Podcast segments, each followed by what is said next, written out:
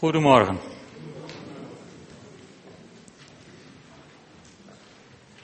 Ik wil uh, vandaag beginnen in Matthäus 14, vers 30 en 31. In ons jaarthema zijn we toegekomen aan het moment waarop Petrus door Jezus gered wordt. Daarom is het maandthema deze maand gered. En ik wil het met jullie hebben over het thema gered door geloof. We beginnen met Matthäus 14, vers 30. Maar toen Petrus voelde hoe sterk de wind was, werd hij bang. Hij begon te zinken en schreeuwde het uit, Heer, red me. Meteen strekte Jezus zijn hand uit. Hij greep hem vast en zei, kleingelovige, waarom heb je getwijfeld? Wie twijfelt er nooit? Jammer, anders zou ik zeggen, dan ruilen we van plek, maar. ja. Goed, twijfel is ook geen doodzonde. Want ik denk dat die opmerking van Jezus, zo kleingelovige, waarom heb je getwijfeld? Dat was volgens mij niet bedoeld als een groot verwijt aan Petrus dat hij twijfelde. Volgens mij was dat die typische manier van Jezus om Petrus te bemoedigen van als dit nou eens weer gebeurt, wees dan een beetje dapperder dan nu. Want het hoeft niet, dat twijfelen. Het hoeft niet, echt niet. Je hoeft niet bang te zijn. Dus het was eerder een aanmoediging volgens mij dan een groot verwijt.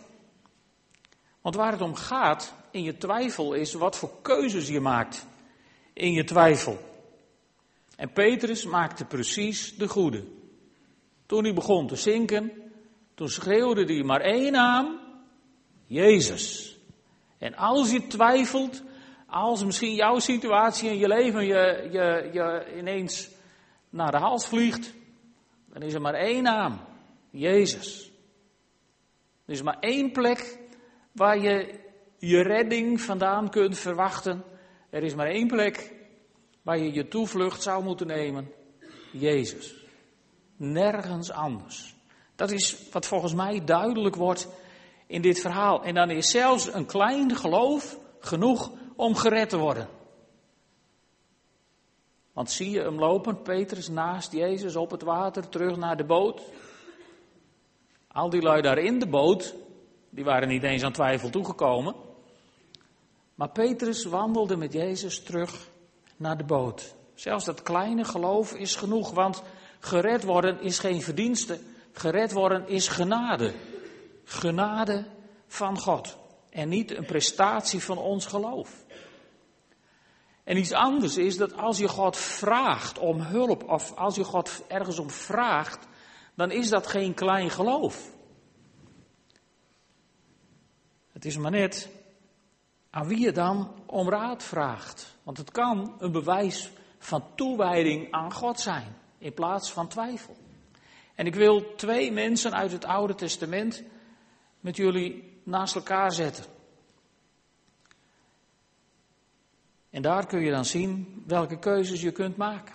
Twee mannen die allebei dezelfde positie hadden. Ze waren allebei koning, door God gezalfd. En ze stonden allebei in dezelfde situatie tegenover eenzelfde grote vijand. Situaties die waren identiek aan elkaar. En toch maken ze verschillende keuzes. Laten we beginnen bij degene die de verkeerde keuze maakte. Koning Saul. En we vinden hem in het boek Samuel. En we beginnen in 1 Samuel 28.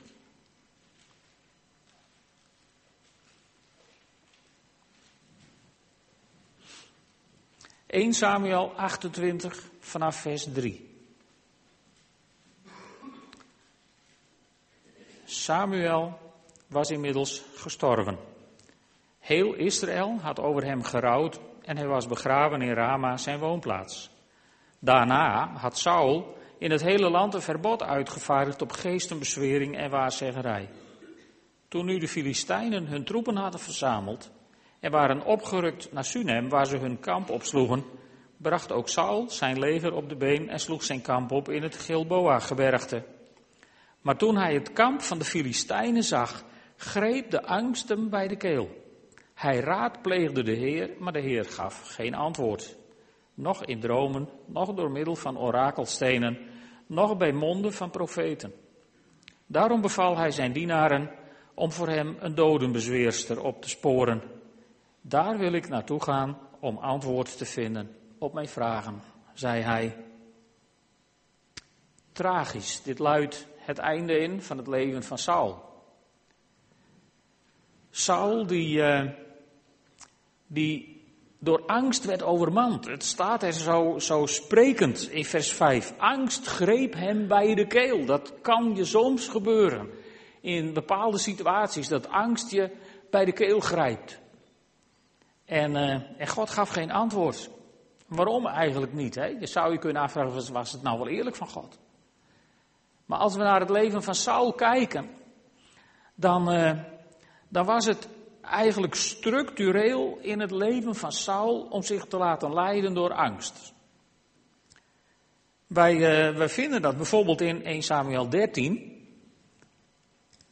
Er staat in de NBV boven dat Saul de gunst van Samuel verspeelde. Dat was daar nog wel mee te leven misschien, maar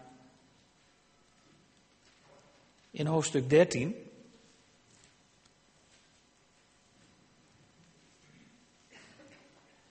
Laten we dat maar even lezen. Saul was 30 jaar oud toen hij koning werd. Twee jaar was hij koning van Israël. Saul had 3000 Israëlieten uitgekozen. 2000 waren met hem gelegerd bij Michmas en het gebergte van Bethel. Duizend lagen er met Jonathan bij Gibea in Benjamin. De rest van het volk werd teruggestuurd naar huis. Jonathan versloeg de Filistijnse wachtpost in Gibea en dat kwam de Filistijnen ter oren. Saul liet in heel het land de ramshoren blazen en rondzeggen, Hebreeën luister, Israël heeft de Filistijnen vernederd doordat Saul een van hun wachtposten verslagen heeft. Het volk werd opgeroepen om zich in Gilgal bij Saul aan te sluiten. De Filistijnen verzamelden hun troepen om tegen Israël te strijden te trekken. Met 3000 strijdwagens en 6000 paarden en voetvolk, zo talrijk als zandkorrels van de zee, trokken ze op en legerden zich bij Michmas ten oosten van Bet Awen. Het leger van de Israëlieten werd teruggedreven en de soldaten zagen dat ze in het nauw kwamen. Daarom verscholen de mannen zich in grotten, spelonken en rotsholen, in grafkamers en waterputten. Ook waren er Hebreeën die de Jordaan overstaken naar Gat en Gilead.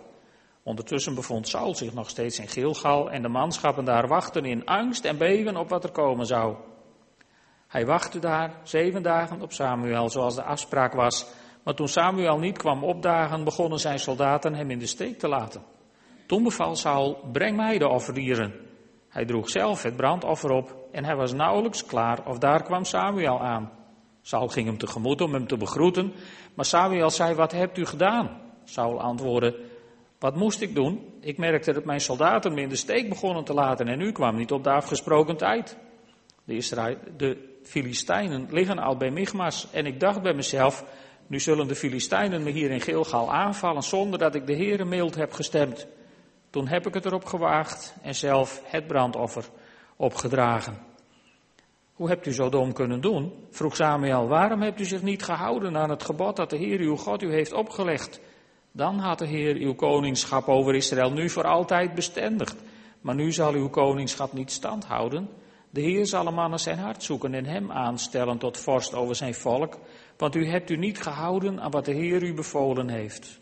Daarop verliet Samuel Gilgal en ging naar Gibea in Benjamin. Saul laat zich dus leiden door angst. Hij ziet de situatie en, en, en wat je hier ziet gebeuren, dat zie je heel vaak bij, bij bange mensen die zich laten leiden door angst. Saul is de meester in het schilderen van de doemscenario's. Hij is bang en hij ziet hoe zijn soldaten weglopen. En hij heeft het plaatje al helemaal klaar. Straks lopen ze allemaal weg. En dan komen de Filistijnen. En dan word ik de dupe. Arme ik. Poor little me. Typisch Saul zijn houding.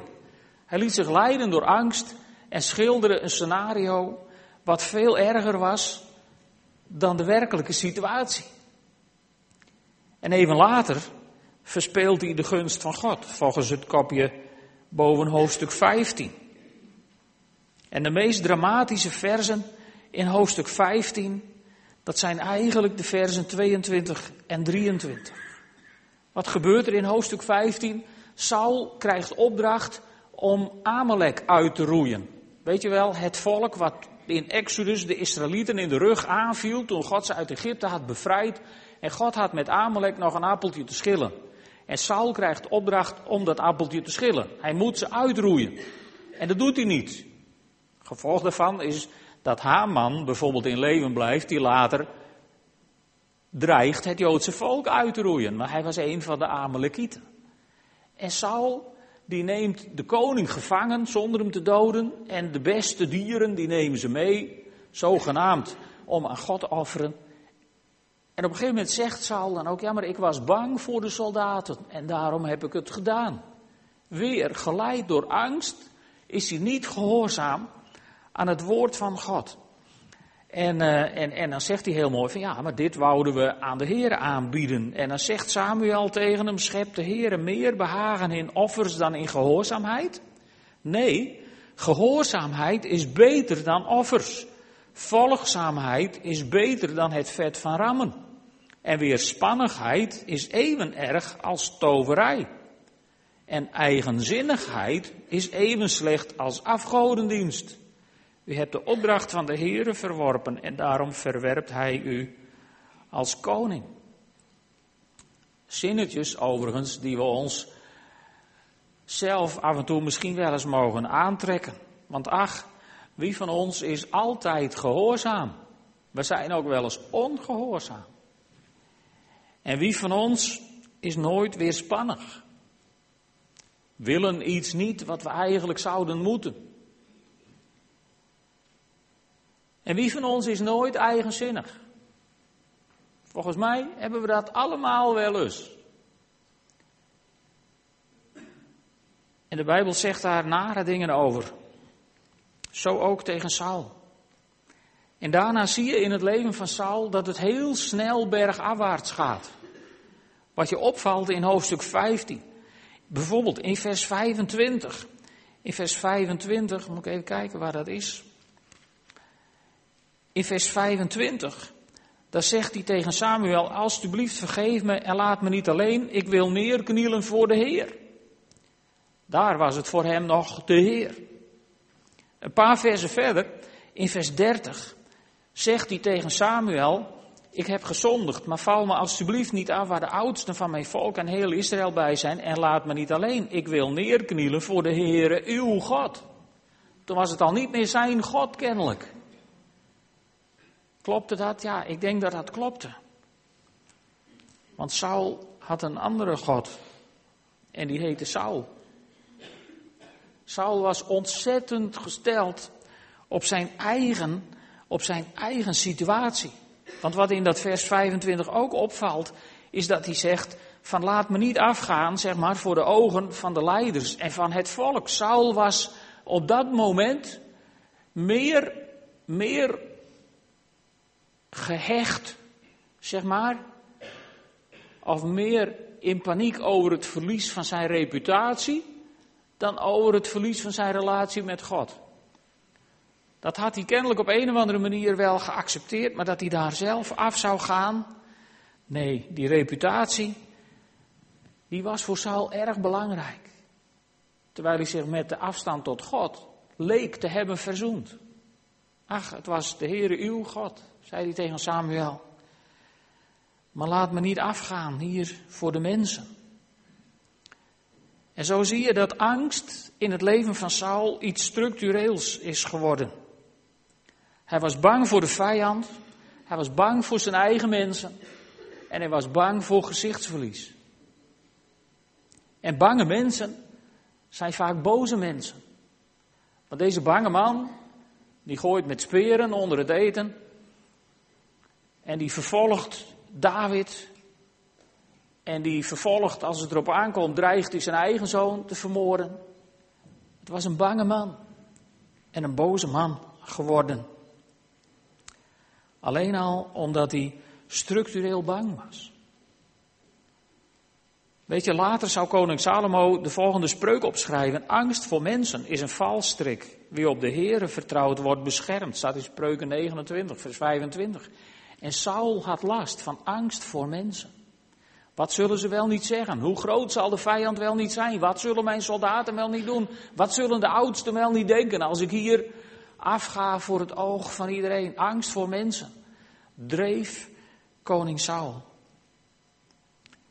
En de uiterlijkheid was daardoor belangrijker geworden dan zijn relatie met God. En weet je, dan laat God normaal gesproken niet meer van zich horen. En zo zoekt Saul zijn heil in het rijk van de duisternis. En vindt de volgende dag op een tragische wijze de dood.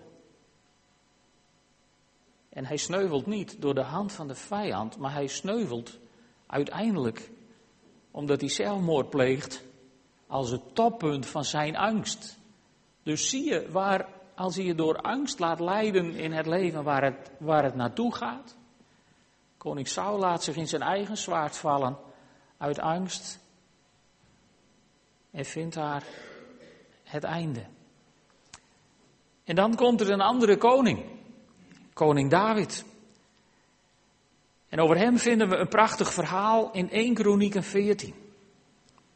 We vinden wel meer prachtige verhalen over hem. Maar deze heb ik uitgezocht. 1 Kronieken 14 vanaf vers 8. Ook David staat met zijn leger tegenover diezelfde Filistijnen.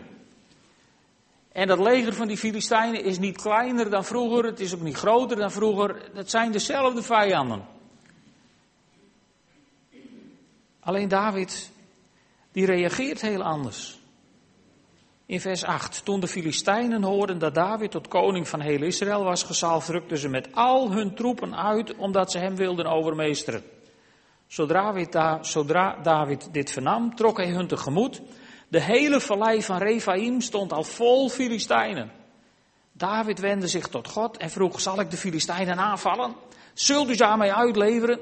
En de Heere antwoordde, ja, ga op hen af. Ik zal de Filistijnen aan je uitleveren. Ze trokken op naar Baal Perasim en daar versloeg David hen en hij sprak de woorden, God is door mijn toedoen door de vijandelijke linies gebroken, zoals plotseling opkomend water zich een baan breekt.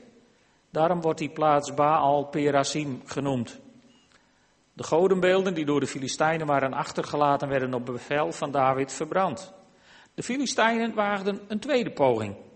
Opnieuw stond de hele vallei vol. Opnieuw wendde David zich tot God en God zei: Ga niet op hen af.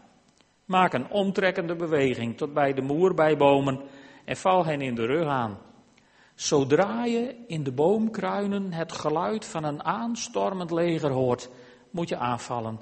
Want dan gaat God voor je uit om het leger van de Filistijnen te verslaan. David deed wat God hem had bevolen en het Filistijnse leger werd van Gibeon tot Gezer teruggeslagen. Zo verwierf David roem in alle landen en maakte de Heere alle volken beducht voor hem. Van David lezen we nergens dat hij bang werd. Integendeel, we zingen van hem, David met zijn slinger, die was voor niemand bang. Hij bad tot God zijn vader en zongen geen alarmlied, maar een lofgezang. Klein, veracht van mensen, vertrouwde hij op God. Hij nam vijf gladde stenen en luisterde niet naar spot. Wat een man. En, en moet je kijken, het tegenstelling met Saul. Klein, veracht van mensen. Weet u of je het verhaal kent, maar toen ze koning Saul tot koning wilden zalven, konden ze hem niet vinden. En dat was heel apart. Toen ze, nee, toen ze Saul tot koning wilden zalven, konden ze hem niet vinden. Was vreemd, want Saul was een kop groter dan alle anderen, staat in de Bijbel. En waarom konden ze hem niet vinden? Omdat hij zich had verstopt. David, klein, veracht van mensen. En Saul, Grote kerel, eigenlijk veracht door zichzelf. Toen leed hij al onder dat minderwaardigheidscomplex, waar hij later zo'n angsthaas door zou worden. En zo'n boos mens, wat alleen maar schade deed aan alles en iedereen in zijn omgeving. En David, klein, ja, was een klein ventje, kennelijk Want toen ze David tot koning wilden salven, konden ze hem inderdaad ook niet vinden. Maar dat was niet omdat hij zich verstopt had. Nee, de anderen die vonden hem niet de moeite waard om hem uit te nodigen. En dat wordt deze koning. En die is dan koning en die staat tegenover een vallei vol Filistijnen. En die zegt, heren, zullen we ze even te grazen nemen? En God zegt, ga je gang. En David erop af. Beetje Asterix en Obelix verhaal. Ze stormen erop af, de Filistijnen vliegen alle kanten op. En, en geweldig, grote overwinning. En dan komt David terug en zegt, en door mijn hand heeft God hier een grote overwinning behaald. En dan zie ik alle Calvinistisch bevooroordeelde mensen wat zorgelijk gaan kijken. Want er staat toch in de Bijbel dat je niet moet roemen, is het niet zo? Kon David dit wel zeggen? Ja, wat staat er eigenlijk in de Bijbel over roemen? Zullen we daar eens naar kijken? Dat staat in 1 Corinthians 1, vers 26 tot 31. Denk eens aan uw roeping, broeders en zusters. Dus het moment, niet, niet je roeping voor je leven, maar het moment waarop je geroepen werd. Hè? Daar gaat dit over. Toen je God leerde kennen. Onder u waren er niet veel die naar menselijke maatstaf wijs waren. Nou, valt misschien wel wat mee, denken wij dan zelf, maar dit schrijft Paulus. Niet veel die machtig waren. Niet veel die van voorname afkomst waren. Maar wat in de ogen van de wereld dwaas is, heeft God uitgekozen om de wijzen te beschamen. Wat in de ogen van de wereld zwak is, heeft God uitgekozen om de sterken te beschamen. Wat in de ogen van de wereld onbeduidend is en wat wordt veracht, wat niets is, heeft God uitgekozen om wat wel iets is te niet te doen. Zo kan geen mens zich tegenover God op iets beroemen. Door Hem bent u één met Christus Jezus, die dankzij God onze wijsheid is geworden. Door Christus worden wij rechtvaardig en heilig en door Hem worden wij verlost of gered. Opdat het zal zijn zoals geschreven staat. Wil iemand zich op iets beroemen, laat hij zich op de Heere beroemen. Deed David dat dan niet? Ja, dat deed David wel. Dat zal ik jullie laten zien. Ik denk namelijk dat David niet daar stond te roemen van kijk mij nou eens, dat staat er ook niet. Nee, David zegt, warembel, door mijn handen heeft God hier een groot wonder gedaan. Ik weet niet of je wel eens een wonder hebt meegemaakt, maar als je, als je, als je bidt voor een zieke en die wordt zomaar genezen, dan kun je toch naar je eigen handen kijken en denken, zo, dat God mij kan gebruiken. Door mijn handen. Moet je je voorstellen. Dat is volgens mij de houding van David. Moet je voorstellen. Moet je voorstellen. Kijk maar wat hij doet. Koning Saul, die was op weg geweest naar de Amalekieten. En die was op de terugweg van de Amalekieten met gevangenen en buit, wat niet moest. En dan komt hij langs Karmel. En wat doet hij bij Karmel? Staat in 1 Samuel 15, vers 12. Daar richtte Saul eerst even een gedenkteken voor zichzelf op. Staat er. Staat er echt hoor. Was gewoon, dat deden koningen wel meer. Als je gewonnen had, richtte je een gedenkteken voor jezelf op, zodat het nageslacht zou kunnen zien wat voor bijzondere koning jij was geweest. David, die behaalt hier een super overwinning op de Filistijnen. En die richt geen monument voor David op, maar hij noemt de plaats waar het gebeurde Baal Perasim, de heer van de doorbraak. Hij had die plaats ook David Perasim kunnen noemen. Ik bedoel, dat had Saul misschien gedaan en het op een gedenksteen gegrift. Maar David noemt die plaats Baal Perasim, de heer van de doorbraak. God krijgt de eer. Dus David roemt hier niet in zichzelf. Hij beroemt zich op de Heer. En hij had Corinthiërs nog niet eens gelezen, moet je voorstellen. Dat was David. Dan wil ik nog even verder met jullie naar het verhaal kijken uit 1 Kronieken. Want wat wij vaak denken, of nee, wat wij vaak doen, wat je vaak ziet, is dat mensen de Bijbel gebruiken als een soort receptenboekje. Overigens gebruiken we het werk van de Heilige Geest vaak ook als een receptenboekje. Want ach, ergens op de wereld is een soort opwekking en er gebeuren hele bijzondere dingen. En wij klimmen in het vliegtuig, vliegen daarheen, laten onze handen opleggen, klimmen weer in het vliegtuig, vliegen naar huis. En nou hebben wij hier de opwekking ook. We vergeten dat op plekken waar God bijzondere dingen gaat doen, vaak jaren gebeden is en geworsteld is en gezocht. Ja, maar dat is werk en dat willen we niet. Het liefst halen we de vrucht van al dat gebed, halen we even op en we nemen het gemakshalve mee naar huis en dan hebben wij het hier ook. Meestal zie je dat kortstondig werken en vervolgens ten onder gaan in scheuringen en gedoe. Jammer eigenlijk. De Bijbel is geen receptenboekje. Weet je, de tweede keer toen die Filistijnen kwamen, had David prima tegen zijn mensen kunnen zeggen: Nou, weet je wat, de vorige keer hebben we even gebeden. En toen zei God: Erop af. Dus, weet je wat, erop af. In de naam van de Heer, had hij er ook nog bij kunnen zeggen. Maar dat doet David niet. Het is opmerkelijk dat David ook de tweede keer zich richt tot de Heer en zegt: Heer, daar zijn ze weer. Wat nu? Zullen we erop af? En dan zegt God: Nee, nu even niet. En dat is een hele frustrerende opmerking. Ik weet niet of je dat kent uit je leven, dat je denkt van yes, nou gaat het gebeuren. En dan zeg je, en heer, zullen we?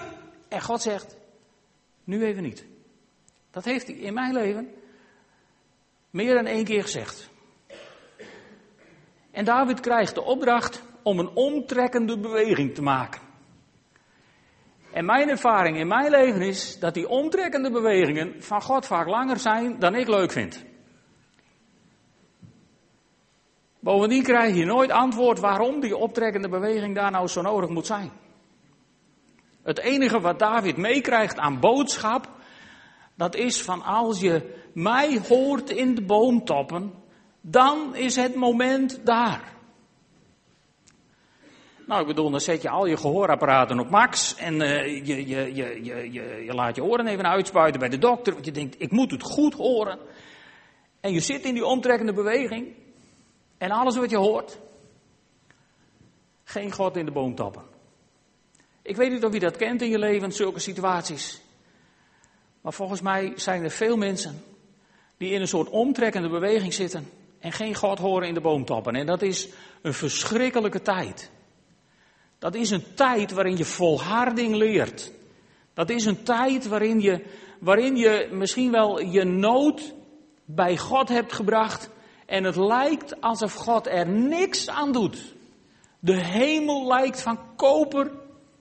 En jij zit in je omtrekkende beweging. Wat doe je in jouw omtrekkende beweging? Als dit nou in jouw leven zo is, hè?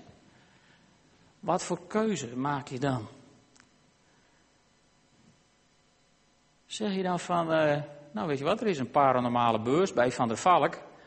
Ik ga daar wel heen om mijn antwoord. Want God spreekt niet. Of heb je het lef om de kiezen op elkaar te zetten en te volharden in je omtrekkende beweging?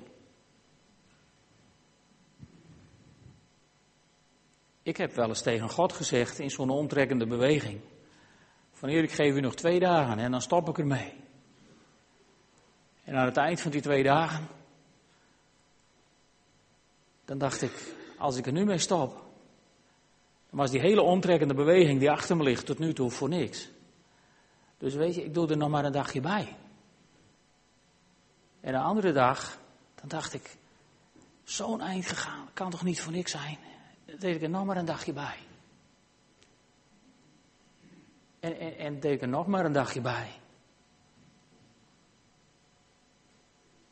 Dat zijn moeilijke tijden in je leven, lieve vrienden.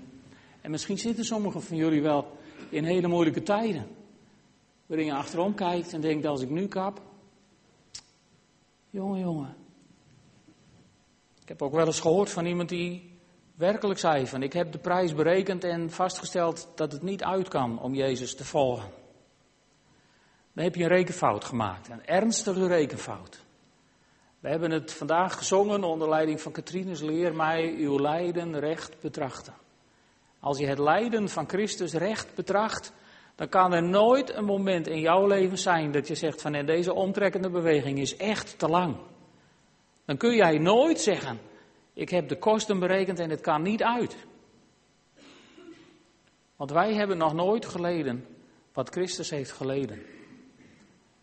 Wij hebben nog nooit schade geleden die ook maar op een of andere manier vergelijkbaar is met de prijs die Jezus Christus heeft betaald voor mijn redding. En door de genade van God ben ik bespaard voor het moment om te zeggen van, en nu wordt die omtrekkende beweging mij te lang. Nu kap ik ermee. Ik doe het niet meer. En ik wil je bemoedigen vanmorgen, als jij in zo'n beweging zit, als uw situatie misschien zo is, dat je denkt, het is zo uitzichtloos en het lijkt zo werkelijk helemaal verkeerd te gaan. Dan wil ik je aanmoedigen van doe er nog een dagje bij. En kijk morgen weer even richting God. En doe er dan gewoon weer een dagje bij. En doe er die dag daarna, als je het even aan kunt, kijk even, kijk even naar God of kijk even op het kruis. En doe, doe er nog maar een dagje bij. En doe er dan doe er nog maar een dagje bij. Jezus zei niet voor niets, maak je geen zorgen voor de dag van morgen. Maar de dag van vandaag en dan doe je er morgen gewoon nog een dagje bij. Want er komt een dag. Absoluut. Dat beloof ik je in de naam van Jezus. Er komt een dag dat je de wind hoort in de boomtoppen. En dat je weet, yes, dit is de dag voor mij gemaakt. Dit is de dag des Heren in mijn situatie. En dan zul je als overwinnaar terug kunnen zien op die omtrekkende beweging, die misschien wel langer was dan jij leuk hebt gevonden. Maar die omtrekkende bewegingen in een mensenleven, die zijn er niet om het leuk te vinden. Die omtrekkende bewegingen zijn er om je zo met huid en haar aan Jezus Christus vast te klampen. Dat als de dag van God er is, dat er ook werkelijk niet één sprankje meer in jouw denken kan zijn van nou dit heb ik dan toch maar gered. En zo maakt David zijn omtrekkende beweging. En hij hoort de wind van God door de toppen van de bomen.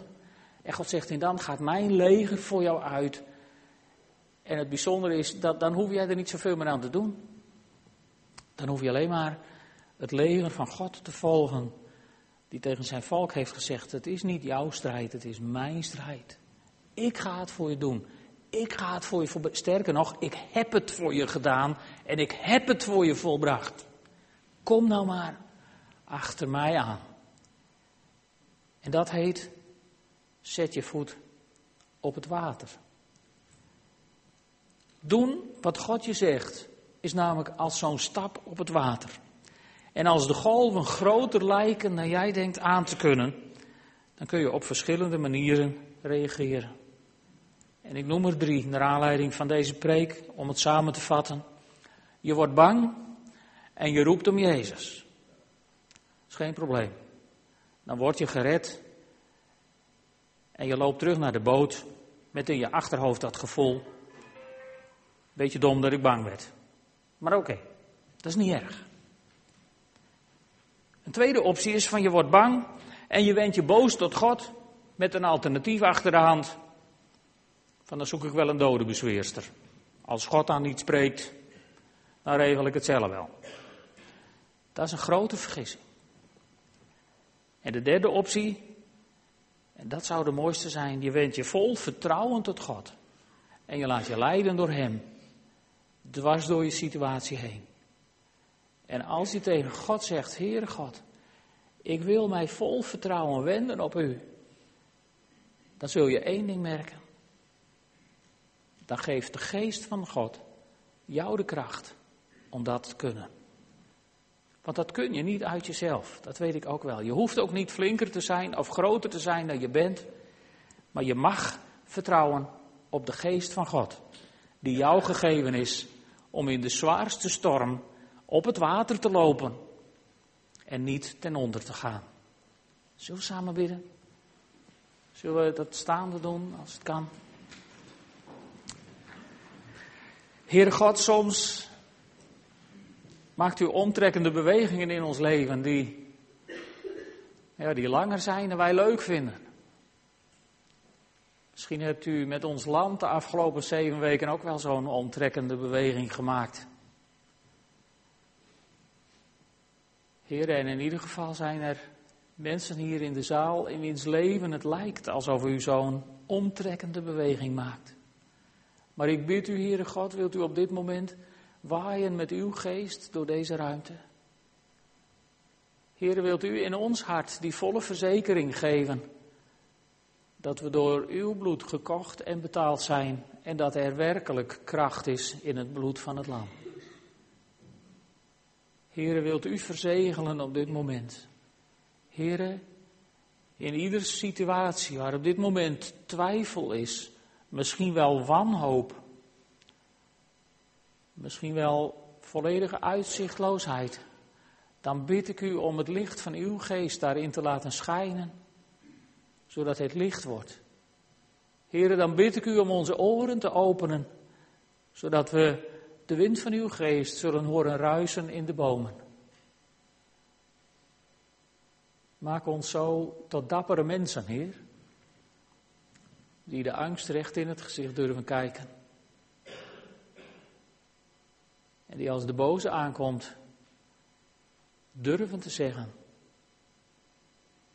ik ben gekocht en betaald met het bloed van het lam. Heere, richt de gebogenen op, troost de treurenden.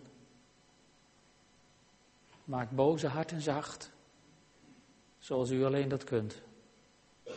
Heer, ik dank u wel voor uw genade. Halleluja.